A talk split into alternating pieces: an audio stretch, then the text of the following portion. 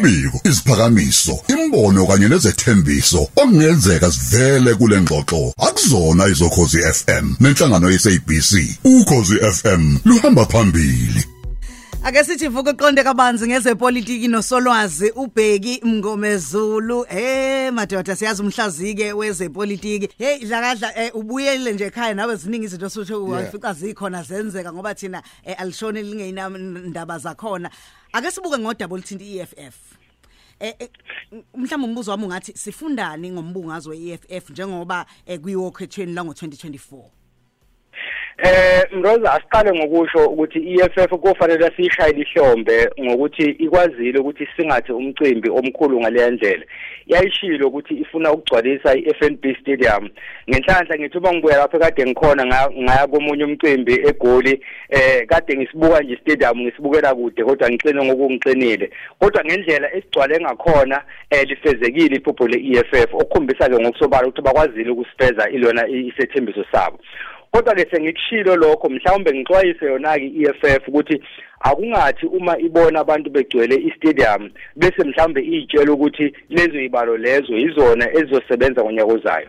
Iqiniso elingephikwe ukuthi iEFF ilona qembu elikhula ngokudlondlobala ongakholakali emubuka zonke inketho kusukela la ngena ngo2014 kuze kuzoba manje ukhombisa ukuthi unyaka nonyaka noma ukhetho nokhetho lenyuka lizokwenyuka nangonyaka ozayo. Okusho ukuthi kamanye amaqembu kuyofanele ukuthi adle ejeqeza kodwa nalo lingabe selitshela ukuthi ngoba abantu bebaningi kangaka lizowudla umhlanganiso ngonyaka ozayo. Mhlawumbe sekulokho prof ngibone siyi statement esikhiphile ebeyikhipha amagama omunye ngathi u name and shame ngiyaboleka nje eh abantu abebengawenzanga umsebenzi kahle eindaweni njengalokho kade nginxuswe ukuthi kulungiswe indaba yamabhasi aya kulomcimbi omkhulu.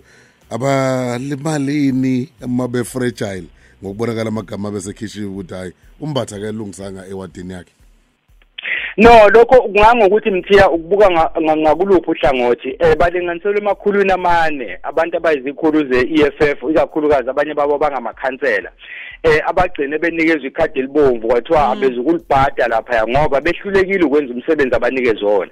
Ngicabanga ukuthi lento noma ngabe kuthiwa ke mhlambe sikubuka kabe ukuthi amagama abo eh akhishiwe bahlanjalazwa kodwa kumbuzo ukuthi behlulwe yini bona ukwenza into ebetshele ukuthi abayenze. So ke ngicabanga ukuthi la kuya ngokuthi umuntu ufuna nje ukugcizelela luphi uhlangothi kodwa nje lesi senza abasenzile sikhombisa khona ukuthi lento ye-service delivery ukuletha iy'nsiza kubantu iyona nto efunekayo. Uma wonke amaqembu engenza nje nohulumeni enze kanje singaphuma kule kule nkinga esibhekene nayo. Abantu abawenza umsebenzi uma behlula babuyele eceleni ingene abazokwazi ukwenza umsebenzi. faka abanye abazosebenza. Yebo mfowethu. Kusho ukuthi ngamanye amazwi mhlawumbe masakhona lapho sidlula futhi nakhona ubuholi be-EFF ubona buletha olunye esinye isitayela sokuhola.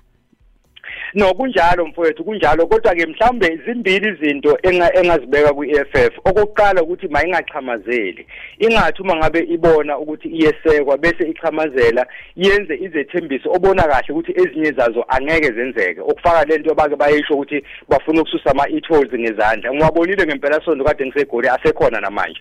Izinto ezinjalo kufanele bazigweme. Bese okwesibili kuba inhlonipho. Uyakwazi ukuthi uqophisane nomuntu kodwa ube uqhubeka umhlonipho. Uma bengalungisa lezo zinto ezimbili iqembu lizokwazi ukuthi ngokuhamba kweminyaka ligcine liwudlile umhlanganiso ngoba uyabona liza kahle impela. Uma lingalungisa nje lezo zinto lezo. Ake siye eqenjini le-ANC izithini iy'nkulumo zikambalula? Zingaba namuphi umthelela kwi-ANC Eh umbalula eh dadewethu kuzofanele iqembu lemkhalime ngoba kusukela eqokelo kulesi sikhundla lesi asiphethe njengamanje sokuba unobhala jikelele weANC maningi amaphutha asewenzile.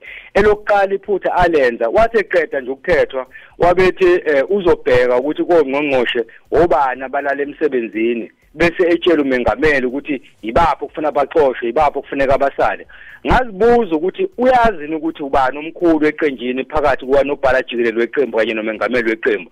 Uma sekuyena uzotshela umengameli ukuthi akenzeni. Bamiyeka lapho bangamkhoza. Kuthe kamuva ukukhuluma indaba zokuthi hayi i-ANC ayizukudinga umuntu nje ukuthi ibe kuhulumeni okubambisana ngonyaka ozayo izowudla umhlanganiso iyodwa. Ngathi akawuboni umgqiqo wezombusazwe ukuthi uthini ibalo zithini.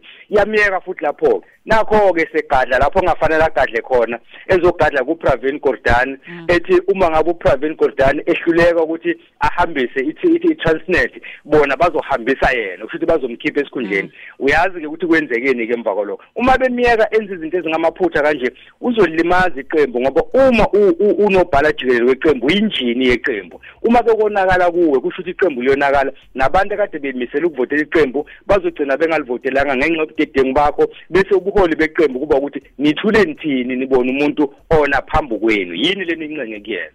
Ake sivale mhlambe sivale ngokuthi eh bukhona yini ubulungiso dabeni likamvikelo womphakathi?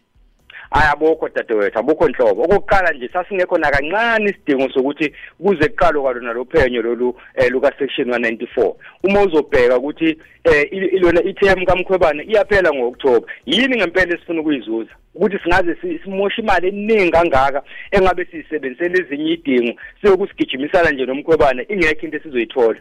Okwesibili uma ngabe sesiqalele sisithangami eh kuba nezikhalo ayibekayo umkhwebane azilalelwa akanabameli kuthiwa akaqhubeke necala engenabameli. Uthini kanti umthetho sisekelo isigaba ulona isigaba sesibili? Sithini? Asisho ukuthi wonke umuntu unelungelo lokuthi akwazi ukufikelela ezinkantolo uma uzothi angiqhubeke necala noma ngiqhubeke nophenyo bengekho abameli uqonda ukuthini? Emva kwalokho kuthiwe eh, usihlalo wekomiti uqubudile jantshi akashenxe enze lokho kwenziwa eh ulona ujustice uzondo athi ngizolibheka udaba lwakho abuye athi ngilubhekile ngisibona isidingo sokuthi ngisuke. Kwenzeka kanjani? Ubiza umdlalo ube ureferee ube umdlali ube sihlwele ngesikhathi esisodwa. Emva kwalokho bese uthi umbiko ozowukhipha lo mbiko lo uzohlonishwa wonke umuntu. Abukho neze ubulungiswa kudlaliwe njengathi. Dlakadla sibonga kakhulu soze siphinde sihlangane ngokuzayo sizothi vuka uqonde kabanzi ngezepolitiki. Siyabonga kakhulu umhlaziwe zepolitiki. Asibonga sibonge eh, eh, mashenge sibonge nakusigcemeza bese sibonga nakubalaleli.